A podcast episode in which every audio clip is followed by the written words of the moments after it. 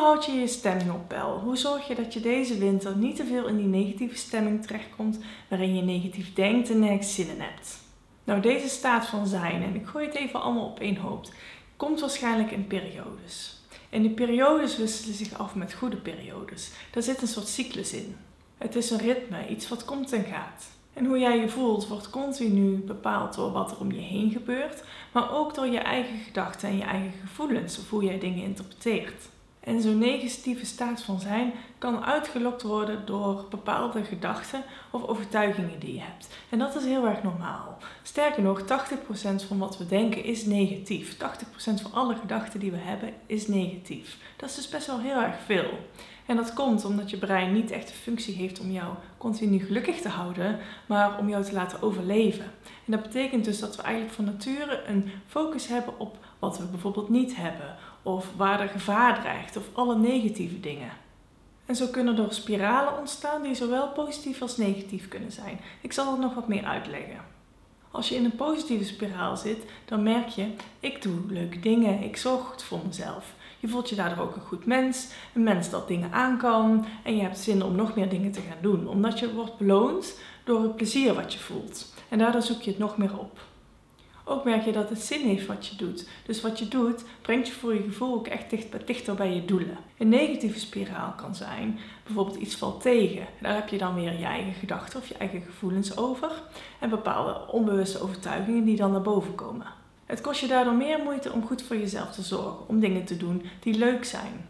En dat ga je dan wel merken. Omdat je minder dingen doet die goed voor je zijn en leuk zijn, word je ook minder vrolijk. En daar voel je je weer slechter door. Je hebt bijvoorbeeld de gedachte: het heeft toch geen zin wat ik doe. Ik geef even twee voorbeelden, zowel van een positieve als negatieve spiraal, uit mijn eigen leven. Een keer was ik aan het scrollen, zoals we allemaal wel eens doen op internet of op Instagram, social media. En ik kwam een blog tegen van iemand die hele mooie Ehm, recepten maakt van dingen uit de natuur. En dat inspireerde mij zo erg dat ik de hele avond op de blog heb zitten lezen. En toen kreeg ik de volgende zin, dag zin om ook zelf iets te maken. Dus ik heb toen ook een nieuw recept uitgeprobeerd. Daar kreeg ik positieve feedback op. De mensen met wie ik het deelde vonden dat lekker, vonden dat leuk. Toen dacht ik, oh dat is ook leuk dat ik creatief ben. En daar genieten mensen van. Toen kreeg ik zin om wat meer naar buiten te gaan, ook dingen van de natuur op te zoeken. Het voelde alsof ik goed bezig was, dus kreeg ik zin om daar meer van te doen. Een voorbeeld van een van mijn negatieve spiralen gaat zo. Ik wil bijvoorbeeld drie dingen doen op een dag voor mijn bedrijf. Maar één ding daarvan valt heel erg tegen. Ik wil bijvoorbeeld een e-mail opstellen, maar de software werkt niet. En daardoor duurt dat veel langer en die andere twee dingen komen dan niet goed af. Ik ga te lang door met werken. S'avonds pieker ik nog over. Komt het wel goed? Hoe moet ik het nou oplossen? Daardoor slaap ik slechter. De volgende dag voel ik me vermoeider. Heb ik minder zin om naar buiten te gaan, terwijl ik dat wel van plan was. En daardoor heb ik ook minder zin om boodschappen te doen en gezond te koken. dan voel ik me weer een slecht mens en zo zit ik in die negatieve spiraal. Tot er weer iets komt waardoor dat neutraliseert of waardoor er weer een positieve spiraal kan ontstaan. En misschien ben jij wat minder van de highs en lows als ik ben, maar ik denk echt dat uh, wij mensen van nature heel cyclisch hierin zijn. En dat kan natuurlijk ook met je hormooncyclus te maken hebben, bijvoorbeeld. Of de dingen die hier op je werk gebeuren. In sommige periodes is het stressvoller dan andere. Of je wordt beïnvloed door hoe je gezinsleden zich voelen. Want zij hebben ook weer hun eigen ritme en hun eigen stemming. En zij worden ook beïnvloed door andere dingen. En misschien heb jij wel andere onbewuste gedachten of overtuigingen, zoals ik het eigenlijk noem, die invloed op jou hebben. En die kunnen ook zowel positief als negatief zijn. En heel vaak zijn we er ons niet bewust van.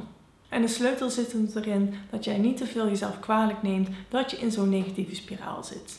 Of dat je in zo'n cyclus zit. Hoe meer je het als een cyclus ziet, hoe meer je in die beweging kan meegaan. Ten tweede kan jij kansen creëren waarop je weer uit die negatieve spiraal kan komen. Je maakt eigenlijk een soort haakje, een soort kans om die negatieve spiraal te remmen en een positieve te laten ontstaan.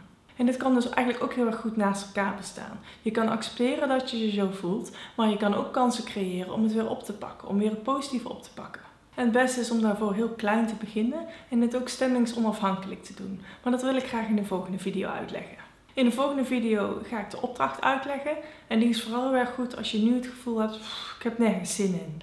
Maar ook als je nu wel zin hebt om dingen te doen en je zit best wel in een lekkere flow, dan kan het best wel goed zijn ter preventie. Of je kan de opdracht voor later bewaren. Hoe werkt het voor jou? Herken jij ook deze cycli bij jezelf? Of werk jij anders? Laat het me vooral weten op Instagram. Ben heel benieuwd.